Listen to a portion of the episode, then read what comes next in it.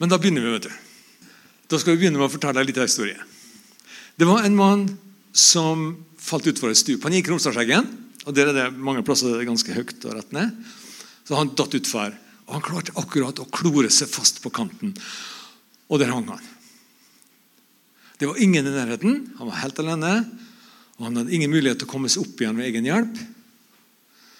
Og Der hang han til han begynte å bli sliten i armene. Så så han ned, og så så han det at hvis han skulle dette, så kom han helt sikkert til å dø. Og det var ingen andre der. Og så ropte han til Gud. 'Gud, hjelp meg!' Og Gud svarte han. Han sa det at eh, 'Bare slipp, du. Jeg skal ta imot det.' Ha denne litt sånn i bakhodet. Det kommer litt tilbake til det. Og Tenk litt på situasjonen. Hva ville du ha gjort? Hadde du sluppet? Og hvis du slapp det mens du var i fritt fall, hva hadde du tenkt? Hadde du forventa å kjenne Guds armer, eller hadde du Ja. I dag har jeg to bibel to plasser jeg vil lese i Bibelen. og Vi tar begge to med en gang, så er vi liksom så har vi gjort det. Vi begynner i Romerbrevet, kapittel 6. Og så leser vi versene 4 til og med 11. Vi ble altså begravd med ham ved dåpen til døden, for at slik som Kristus ble oppreist fra de døde ved Faderens herlighet, skal også vi vandre i et nytt liv. For hvis vi har blitt forenet med ham i likhet med hans død, da skal vi også bli det ved oppstandelsen. Vi vet at vårt gamle menneske ble korsfestet med ham for at syndelegemet skulle bli fratatt sin makt, så vi ikke lenger skal være slaver under synden. For den som er død, er rettferdiggjort fra synden. Men døde vi med Kristus, da tror vi at vi også skal leve med ham. For vi vet at etter at Kristus er oppreist fra de døde, dør han ikke mer. Døden hersker ikke lenger over ham. For døden han døde, den døde han for synden en gang for alle. Men livet han lever, det lever han for Gud. Slik skal også dere regne dere som døde for synden, men levende for Gud i Jesus Kristus, vår Herre. Fantastiske ord. Og så er det ett lite vers til. Det er i Galaterbrevet, kapittel 2, og vers 20. Det er også et fantastisk, aldeles nydelig vers.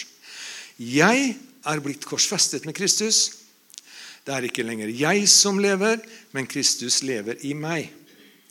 Det livet jeg nå lever her i kroppen, lever jeg i tro på Guds sønn, Han som elsket meg og ga seg selv for meg. Det handler om det nye livet. Det som er satt som overskrift i dag, det er det kristne livet.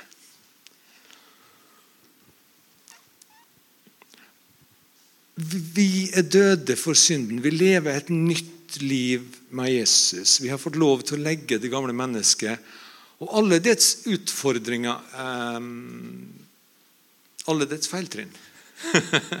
alle de farlige handlingene, de farlige holdningene, de farlige tankene har vi fått lov til å legge bak oss. Det har vi lagt ned ved korsets fot. Det livet er dødt. Det er begravd med Kristus i dåpens grav. Og vi har fått stått opp til et nytt liv med Han.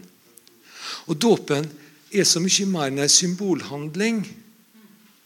For det er en, en, en aktiv bekjennelse av den åndelige realiteten som ligger i dåpen. En kraftig bekjennelse av at det livet vi, død, vi levde før korset, det er begravd. Og vi er stått opp som en ny skapning. Dette kan vi aldri, aldri bli ferdig med. Og vi bekjenner det når vi stiger opp av vannet, så er det en bekjennelse av at vi er oppreist med Kristus til å leve ikke bare leve et nytt liv, men at vi er en ny skapning. Og så, så Den begravelsen som dåpen er, det er en, en begravelse uten sørgende. Det er en gledesfest. Det er fantastisk. Det er fantastisk, vet du.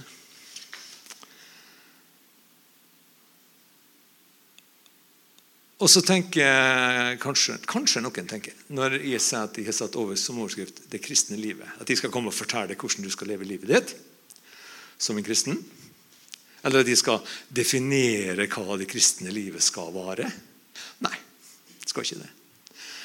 Men likevel, vår tro, vår oppvendelse, vår død og begravelse med Kristus og vår nye oppstandelse, den må på en eller annen måte vise seg i livet vårt. Det må Det må komme til uttrykk i det livet vi lever.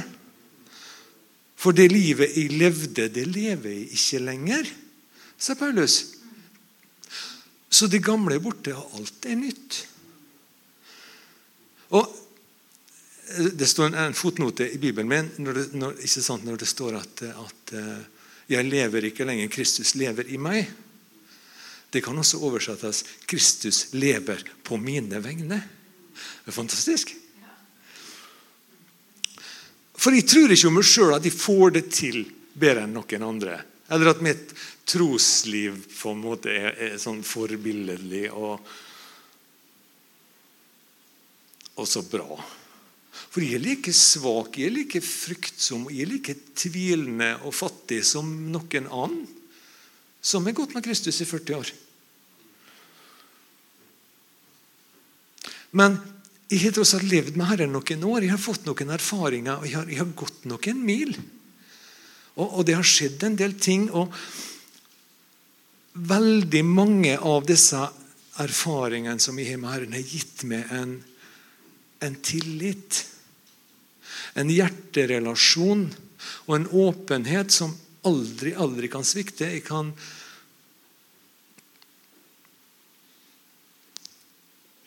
Det kommer til hjelp i alle ting.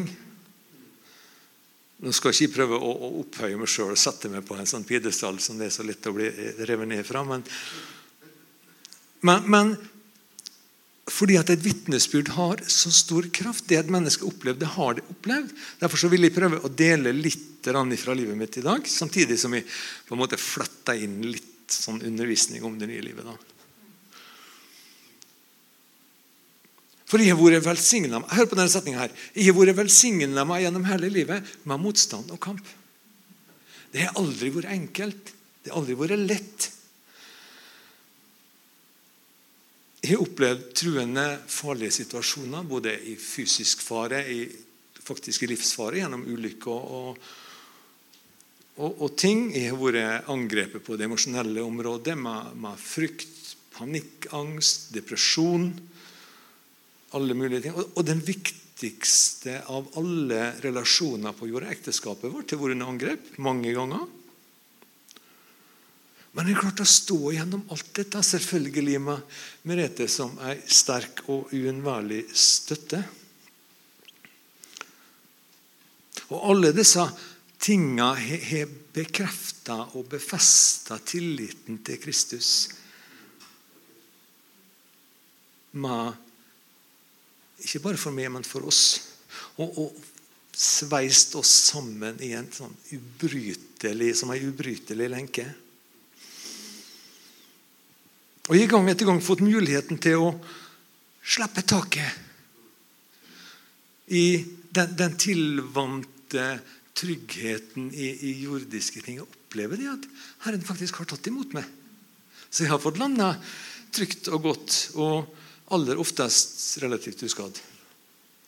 Og jeg elsker å få denne muligheten til å dele erfaringer, opplevelser og, og lærdom med andre. Ikke fordi jeg tror at det jeg har opplevd, er så unikt og fantastisk. At ingen kan fortelle lignende historier som jeg. Se på meg. Men, men fordi jeg syns det er så fantastisk å få peke på, på Jesus.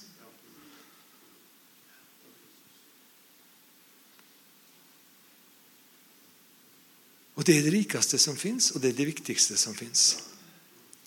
I løpet av Vi går litt tilbake. For Nå var det slutta å jobbe hos deg, Jan Tore. Det var i 2012. Da begynte jeg for Øverland i Molde å kjøre søppelbil. Og, og, det var interessant. Det var en fantastisk jobb. Men jeg klarte å, å dette, sklidde på isen, knuste albuen min. Og var sjukmeldt lenge, og så begynte jeg litt på jobb og endte opp med å få panikkangst. Det var egentlig en forferdelig tid. Så jeg endte opp med å bli langtidssjukmeldt og fikk arbeidsavklaring. Og da vet du, hadde jeg muligheten. Da tok jeg først studiekompetanse. Og så tok jeg et treårig bachelorstudie på Høgskole for ledelse og teologi, HLT. Så gir altså en bachelorgrad i teologi og menighetsledelse. Og det er jo interessant. Jeg fikk masse god undervisning i ordet. Jeg fikk masse god undervisning i hva andre før oss har tenkt og sagt og skrevet om Guds ord. Om de forskjellige læresetningene. Og, og det var fantastisk interessant. Og det har satt meg i stand til å, til å, levere litt mer reflektert budskap. da. For jeg har en, en bakgrunn å, å støtte meg på som er fantastisk. Så, så jeg har noe å dele når jeg treffer noen som har tid til og som har lyst til å lytte, og som, og som er litt søkende. Selv om det jeg trives best med, og det som jeg er aller mest komfortabel med, det er undervisning i menighetssammenheng. Det er kjempemorsomt. Men i disse møtene med enkeltmennesker så må vi være naturlig. Vi kan ikke komme med noe forsert sånn kristendomsgreier som skal liksom presse Jesus på folk og gjerne be frelsesbønn i første samtale. Men de må være vennlig, hyggelig, gjerne spøke og le. Selvfølgelig må alt være i renhet. Alt må være Vi kan ikke drive med noe tull, folkens. Det går ikke an. Fordi vi vet jo at enhver kristen blir fulgt med av verden. Vi som står fram og bekjenner oss som troende, og som ikke legger skjul på troa vår, vil bli fulgt med. For det er alltid noen som vil finne noe å ta oss på. Finne noe å kritisere oss for. Du kunne si det at eh, Se på disse kristne. Hva de driver med. Men når jeg er meg sjøl, på mitt aller beste, så kan jeg få god kontakt med noen.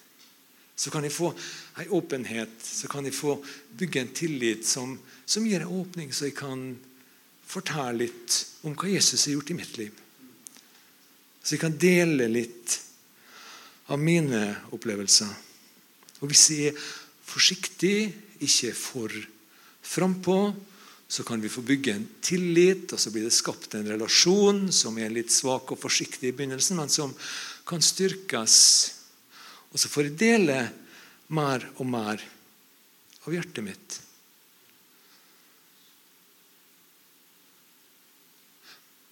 For det er noe av det som er aller viktigst som er viktigste tanken for meg når jeg møter ukjente personer, det er å bli oppfatta som ekte, som hæl.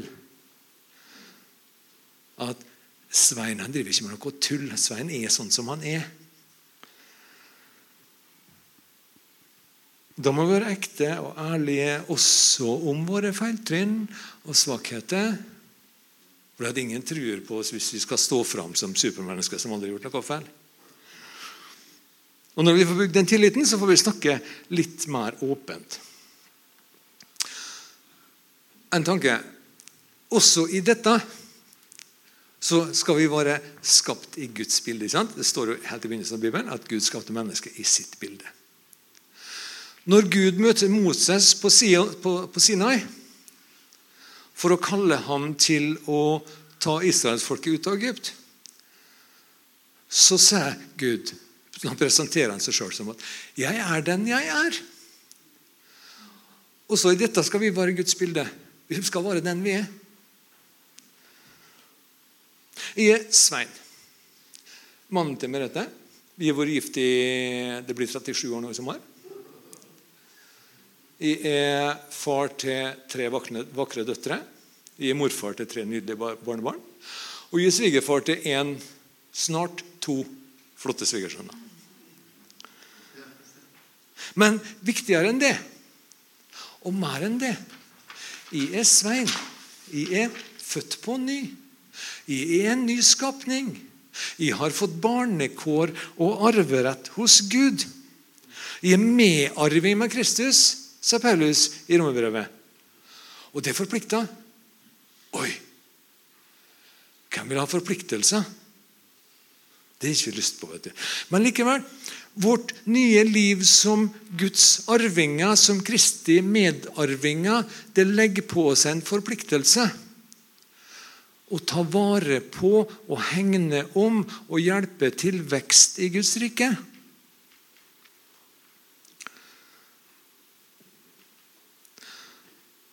Og I den sammenhengen må vi aldri glemme at troa vår lever troa vår kommer til uttrykk i det livet vi lever hver dag. Ikke først og fremst orda vi ser, men det livet vi lever. Måten vi lever livet på, måten vi opptrer på i interaksjon med andre. Det er så viktig, altså.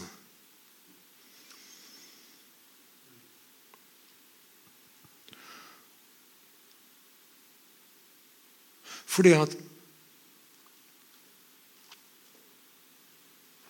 Hvis vi ikke er ekte Nå er jeg tilbake til det igjen. Hvis vi ikke er ekte, hvis vi ikke er oss sjøl utad, så oppnår vi ikke den kontakten, den tilliten vi må ha for å bygge relasjoner.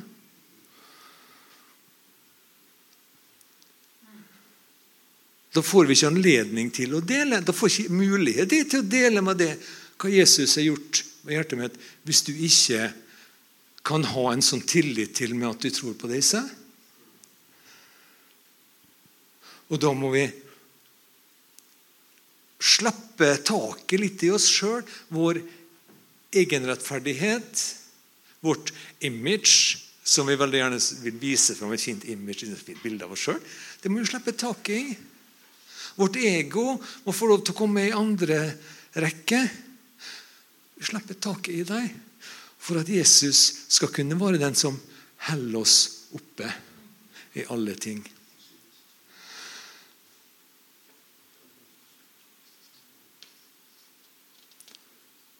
Kanskje det er litt tøft å gå ut sånn som dette. Første gangen han får lov til å tale. Vi nylig kom inn i menigheten. Men jeg skal dele en liten hemmelighet med deg. Det burde egentlig ikke være hemmelig, fordi at uh, Det er noe som alle burde vite, men det, det, er mange som ikke vet det. Og det er i hvert fall ikke ofte at jeg hørt det forkynt. Men Gud er en Gud som relaterer til vår tilnærming til Han. Når vi strekker handa opp til han og sier at 'jeg elsker det', så strekker han handa ned til oss og sier at 'jeg elsker det òg'. Hvis vi ikke bryr oss med han, så lar han oss være.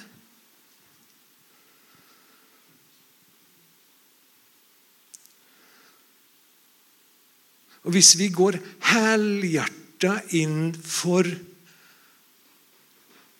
for Han for hans rike, for menigheten vår.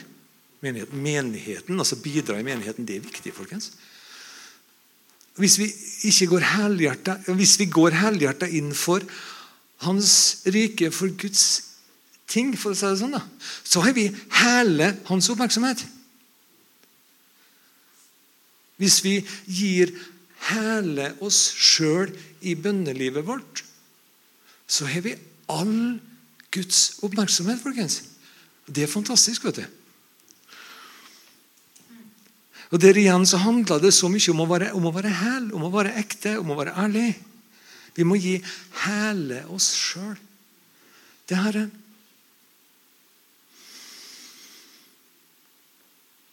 For det er ikke sånn at vi blir perfekte mennesker den dagen vi gir livet vårt til Jesus og bestemme oss for å satse livet på Han i overbevisning om den belønninga som ligger der framme og venter på oss. Vi vil fremdeles feile i tanker, i holdninger, i handlinger og i ord hver eneste dag. Og vi har alle sett Kristus som prøver å late som det ikke er slik. Og det Det er litt rart. Det er litt merkelig. Fordi at hvis vi prøver å late som vi er feilfrie, hvis vi prøver å late som vi aldri snubler, så lurer vi ingen annen enn oss sjøl. Det, det, er bare sånn det er.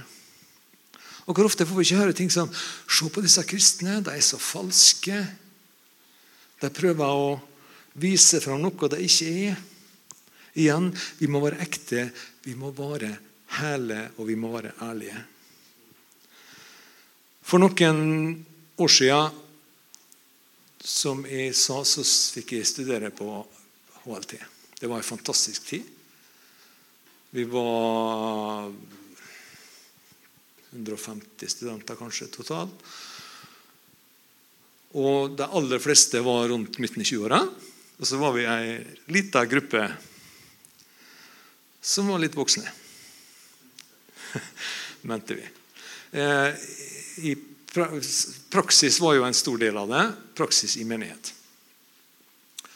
Og Da var vi satt sammen i praksisgruppa.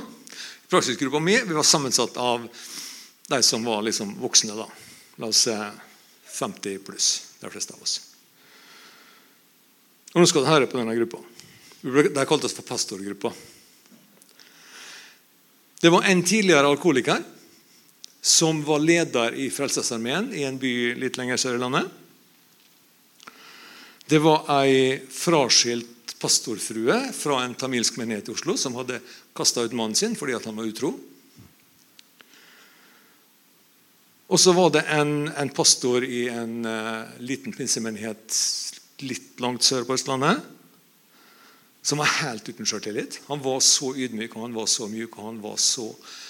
Men kjære Gud, for en mann! Og så var det en inneslutta Oslo-kar som var i ferd med å flytte til Sverige for å bli pastor i en pinsemenighet. Og så var de 50 år gammel, sterkt overvektig, full av forkastelse og depresjon. Og Jeg må si at jeg følte meg så liten i denne gruppa med sterke, fantastiske, troende mennesker. Og En kveld, en av de første kveldene i praksistida så skulle vi dele vår tros- og livshistorie med hverandre. Fortellinga om hvordan livet vi har levd, har påvirka framveksten av tro og gudsrelasjon. Vi skulle skrive det ned, levere det inn, og så skulle vi lese det opp i gruppa. Den mest krevende kvelden jeg kan huske noen gang. Og Vi delte med hverandre. Vi snakka sammen, vi kom med tilbakemeldinger, oppmuntringer til hverandre. Og Vi gråt sammen, og vi ba sammen. Ba for og med hverandre. Og denne kvelden så ble det født flere sterke, gode, nye, livslange vennskap. Tillit ble skapt, og gjensidig kjærlighet oppsto fordi at vi var ærlige, fordi at vi delte oss sjøl med hverandre. Både og Det er jo litt for en sånn ting at det, at det, er, liksom, det er ikke det jevne som blir, som blir delt. Det er de djupeste, svarteste, vanskeligste nederlagene, og det er de største seirene. Og, og når vi da vågde å dele dette med hverandre, så, så ble det skapt noe, og det var helt fantastisk. Fordi at vi valgte å være ærlige, fordi at vi valgte å dele av oss sjøl. Og Dette er valg vi må ta med oss i hver eneste relasjon, i hver eneste, hvert eneste møte med mennesker. Hvor mye vil vi gi av oss sjøl? Hvor ærlige våger vi å være? Hvor ekte er vi som menneske, som medmenneske, som troende, som hjelpere, trøstere, sjelesørgere, forkynnere. For alle disse tingene burde vi alle vare i alle relasjoner vi er i. Vi burde være både medmennesker og troende. Vi burde være både hjelpere trøstere og sjelesørgere. Og vi burde alle gripe enhver anledning til å forkynne Jesus.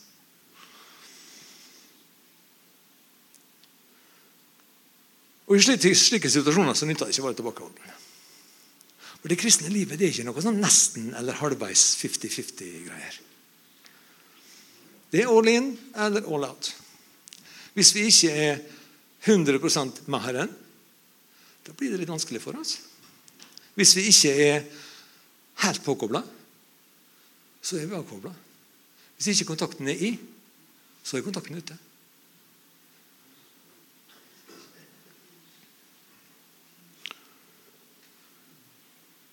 Og Hvis vi prøver å forstille oss på noen måte, så når vi ikke fram.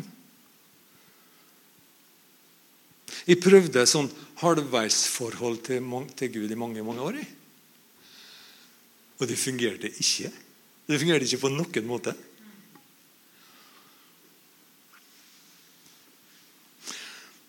For, og fordi at jeg valgte å, å utgi meg for noe jeg ikke var Jeg var veldig from og veldig kristen på søndag formiddag når jeg var på møte. Men resten av uka var det ikke så nøye.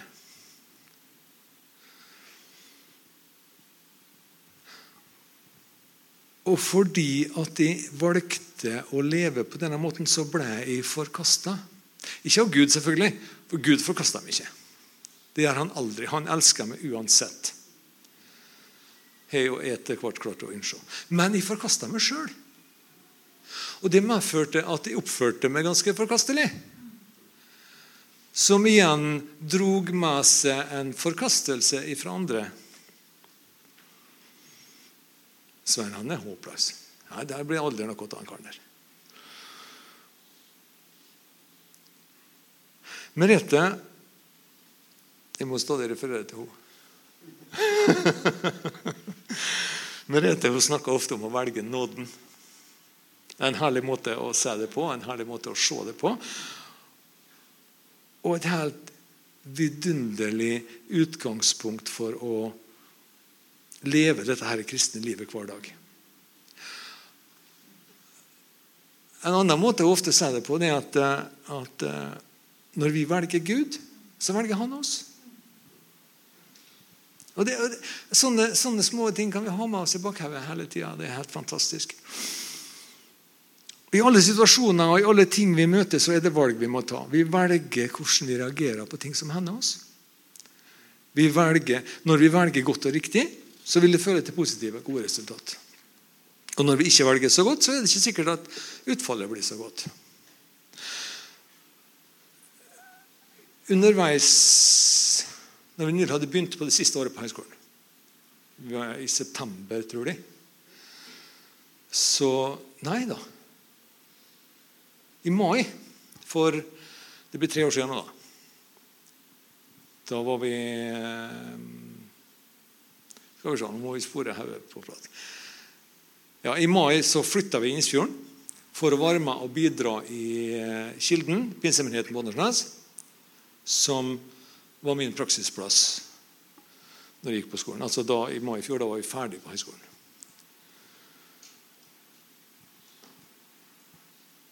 Og Helt i begynnelsen på det skoleåret, i september, altså det blir nå da ja, 2016 f.eks. Da hadde jeg hatt arbeidsavklaring i tre år. Da var det slutt på arbeidsavklaringa. Vi hadde ikke rett på noen stønad fra Nav. Jeg hadde ikke jobb. Så da hele det siste skoleåret så levde vi på Merethes inntekt. Og det var jo spennende. Men du verden for ei rik tid, sjøl om det var utfordrende og krevende. Fordi at vi fikk se så mange unger Guds direkte inngripen jeg skal ta med ett eksempel. Jeg har sagt det så mange ganger før til så mange. Men jeg har ikke sagt det her. En gang vi var og besøkte noen Merete og vi var på en, Det var en sånn hyggelig fredagskveld. Vi satt og prata og spiste god mat. Og, og når vi skulle dra igjen, så fikk jeg 400 kroner stukket i hånda mi. Så kommer i bilen så sier jeg til Merete jeg fikk 400 kroner. Og så bra, sa hun! Gi meg bensin! Så, så, det var jo det. det var, det var hennes bønnesvar. Og neste onsdag så var jeg der inne igjen. Jeg hadde liksom praksis, Onsdagene var praksisdagene mine. Og var på besøk med ei eldre enke som jeg var, var sjelesørger for. Og da hadde hun, kom hun med en konvolutt. Den dagen var det jeg som trengte bensin, så jeg sa til Gud liksom, når jeg var på vei dit, at jeg vet ikke hvor jeg skal komme hjem igjen. Dette må du ordne opp i. For en konvolutt fikk jeg fylt bensin, og så fikk vi tatt toppen av bunken med regninger den gangen. Så det, og sånne ting opplevde vi så ofte. Fordi at jeg hadde valgt Nei, ikke fordi jeg hadde egentlig ikke valgt heller. Jeg hadde på en måte blitt pressa i dette her med, med arbeidsavklaring pga. skade og sykdom og disse tingene der. Og jeg sto i en situasjon der jeg ikke hadde noen annen mulighet enn å stole på Gud. Og Gud fulgte opp, altså. Jeg måtte bare liksom slippe taket i denne lille fjellbjørka som jeg hang i over kanten på stupet. Og stole på at Gud tok imot meg. Og det gjorde han. Helt fantastisk. Og så, da i april det blir tre år siden nå da, så fikk jeg jobb på Skjellstasjonen på Åndalsnes. Jobba mest på natta. Der Fram til, frem til koronaen kom, så jobba jeg mest bare natt. Og når vi sto der på natta, så var det en ung mann. Eh, en spesiell type. Han kom ofte inn på natta for å kjøpe seg en cola eller kjøpe seg litt mat. Og um, Nattskiftet på en bensinstasjon det er veldig mye renhold tidlig på natta, og så går den over på å steke boller og smøre baguetter og sånt på, utover morgenen. Så jeg hadde alltid god tid. Og jeg hadde tid til å prate med han karen der. Og han trengte å prate. Vi skjønte jo det etter hvert at det var derfor han kom. fordi at Der sto det noen som kunne høre på han. Han hadde ADHD. Han hadde, var veldig plaga med tvangstanker. Han hadde Tourettes. Og hva var det mer? Jo, han hadde sosial angst. Og han hadde fortid med rusmisbruk. Det burde være nok for de fleste. Han var avvist av alle rundt seg. Og så kom han til meg fordi at de hadde tid til å snakke med ham, til å høre på ham. Han var, han var, temmelig ustabil og lite å stole på, så det var, det var, liksom ingen som ville ha så mye med han der å gjøre. Men så fikk jeg prate og som den hyggelige, ekte, reale typen er, så fikk vi god kontakt. Og så åpna han seg mer og mer. Og til slutt så fikk jeg bare sett inn at eh, du trenger Jesus, du, vet du. Og jeg kommer aldri til å glemme hva han svarte, for jeg ble så forundra. Han sa bare at ja, jeg har tenkt på det. så, så, så, fikk jeg noen traktater som jeg sendte med han, og så for han av gårde. Det ene det kan jeg anbefale i alle, altså en, Få tak i skaftet og ha i lomma noen eksemplar av en liten traktat som heter Jesusboka. Den er bare helt fantastisk til evangelisering, til å gi til ufrelste. Så kommer han tilbake og så forteller han det at han hadde Det står jo bak i denne Jesusboka så står det en sånn frelsesbønn. Forteller han at han hadde bedt den bønna. Og så Han kjente at det var noen i bilen sammen med han og, og, det var liksom helt fantastisk. Og Jeg fikk be litt sammen med han der. Og, og så framover i løpet av noen uker så hvor han forandra seg. Han ble roligere, han ble tryggere. Han kom med kjæresten sin til slutt, som også var veldig plaga med sosial angst. Og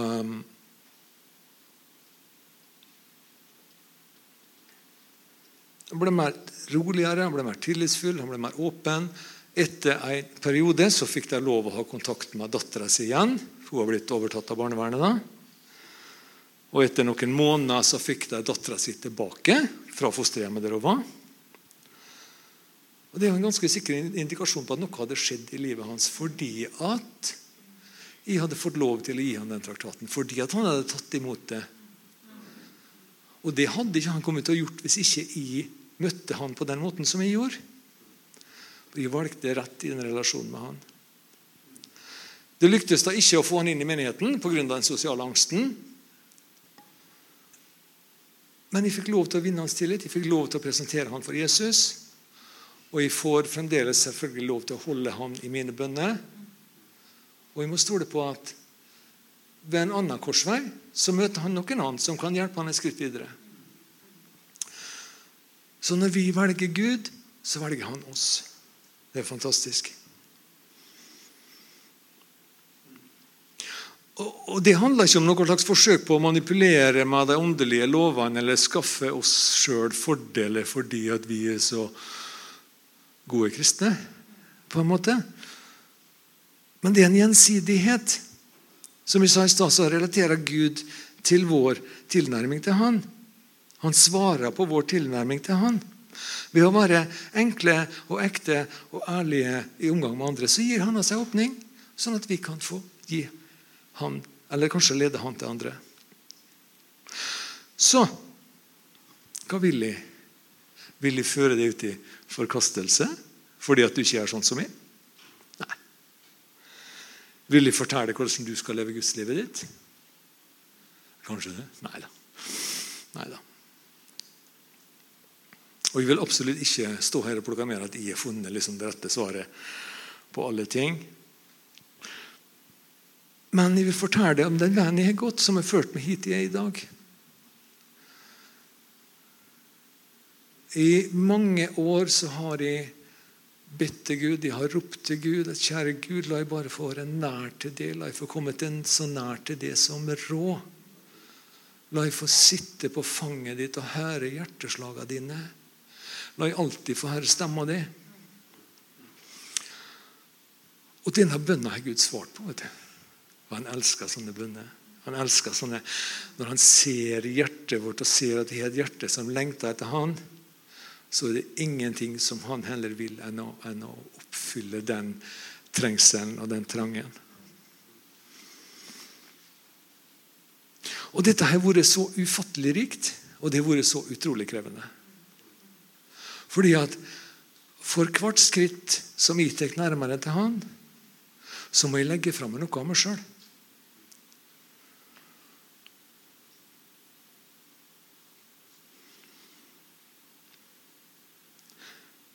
I teksten vi leste i begynnelsen, fra Romerne, så sier Paulus at, at vi døde med Han for å oppstå med Han. Et nytt liv som en ny skapning. Så vi må, vi må for hvert skritt vi tar nærmere til Gud, så må vi dø litt vekk fra oss sjøl. Fordi at jeg er et, et, et fallent menneske med en fallen menneskenatur. Og den vil alltid prøve å stikke hodet opp igjen. Og vi må ikke gi rom for den. Vi må ikke la den få lov til å uttale seg. Den må ikke få bruke stemma si i det hele tatt. Så vi må bare komme så nær til Gud som mulig. Fra å være et barn av denne verden, som er under kontroll av de kreftene som var virksomme i syndefallet, så er jeg i dag blitt et barn av Gud. Jeg vasker ren i Jesu dyrebare blod. Jeg lever ikke lenger sjøl, men Jesus lever på mine vegne. selvfølgelig. Og så skal vi komme til avslutning på dette. her da. Nå er det nå går tida. Hm? Ja. Eh, jeg kan betro det at det vanskeligste som fins for meg når jeg skal forberede preken, det er avslutninga. Det er vanskelig å slutte. vet du. Det er vanskelig å slutte. Så vi velger som Jan Tore etterlyste, vi velger å slutte ringen. Vi går tilbake til han som henger over Romsdalseggen og, og dingler over kanten der og roper på Gud. Ikke sikker på at dette har skjedd i virkeligheten, men I hvert fall ikke i Romsdalseggen. Men jeg har ofte følt det slik. Jeg henger ofte i løse lufta og roper til Gud. Jeg kan stå i en vanskelig situasjon der jeg ikke ser noen utvei, der jeg ikke har noen retrettmulighet. I de åra på høyskolen Jeg kommer ofte tilbake dit. Det er liksom de tre toppåra i livet mitt. da. Så Vi var ofte i samtaler. De fleste studenter var jo rundt midten av 20-åra. Fantastiske, troende, søkende, herlige folk. Det er veldig mange av dem. Og vi sto og snakka, og, og, og, mange av dem ville gjerne Jeg opplevde at jeg ofte ville at de skulle dele litt av mine erfaringer. For det, vi blir jo kjent etter hvert. Og, og, og når jeg begynner å fortelle om ting jeg har opplevd, om vanskeligheter som Herren har hjulpet meg gjennom og, og så, Å, for ei tro! For ei trosvandring! Og, wow, for et liv! Og så prøver jeg å, å, å, å råde deg til å ta andre valg enn jeg har gjort. For å kanskje slippe noen av de kampene som jeg har fått. For det er ikke alltid jeg har valgt like klokt. Det er ikke alltid jeg har, mine valg har vært like bibelsk fundert, for å si det sånn. da. Det, det må jeg innrømme.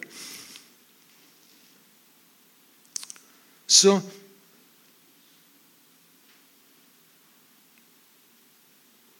Når de på en måte begynte å se opp til meg for det at jeg hadde jeg ga uttrykk for en så sterk tro, så måtte jeg bare si at ja, men det er ikke det det er. Det er bare det at jeg har satt meg sjøl i en posisjon der det er bare én vei å gå. Jeg må gå bent framover. Jeg må ha blikket festa på korset og bevege meg bare i den retninga.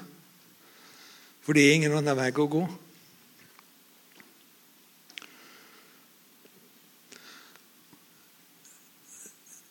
Når jeg begynte så vidt å, å, å, preke litt på Sion av og til for eh, når kunne det være? Sju-åtte år siden. Så var det da samtale med Albert av og til, og pastor Albert. Og han, og han sa det at eh, at eh, nå har du begynt på en vei så du ikke kan gå tilbake på. sånn.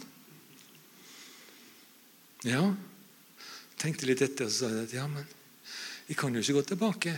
For det er ingenting å gå tilbake til. Det som ligger bak, det ligger bak. Jeg er et nytt menneske. Jeg må gå framover.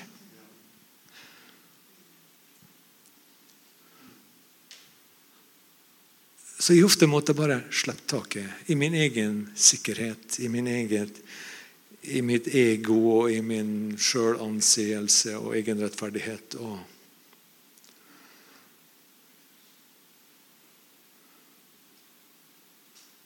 Og når de slipper taket Noen ganger prøver jeg så klart å ordne opp sjøl når det er vanskelig. Og det er ikke bestandig så enkelt. Det, det hender at vi, at vi feiler. Men når vi slipper taket og bare gir alt til Gud, så tar han imot oss. Ikke sånn som han som hang oppe i Romsdalseggen og ropte til Gud og håpte at Gud skulle komme og løfte han opp igjen på stien. For Gud han kommer ikke alltid sånn som vi ønsker, eller sånn som vi ser for oss, eller ser mest hensiktsmessig. Han bare sier 'Stol på meg'. Stol på meg. Stol på meg. Og det er det viktigste av alt vi kan gjøre. Så for å konkludere Nå blir det en veldig brå avslutning her. For å konkludere Idealet som jeg gjerne vil leve mitt trosliv, mitt gudsliv etter, det er to ord. Overgivelse og tillit. Jeg overgir hele livet mitt til Han i tillit til at Han tar imot meg i alle ting. Og så landa jeg trygt og godt. Så står jeg på fast grunn. Så uansett hva du tviholder fast i, om det er anseelse, om det er sjølfølelse, om det er holdninger, om det er relasjoner Så ikke vær redd for å slippe taket. Han tar imot det alltid.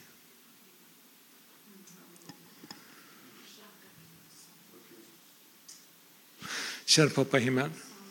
Jeg bare takker deg for din nåde, for din kjærlighet og for din omsorg for oss. Takker deg for at du alltid elsker oss. Takker deg for at du alltid, alltid vil holde oss oppe, vil holde oss trygge. Om det er vanskelig, om det er utfordrende situasjoner, om vi, om vi står i, framfor uoverstigelige hindringer, så slipper vi taket i alt, og så tar du oss.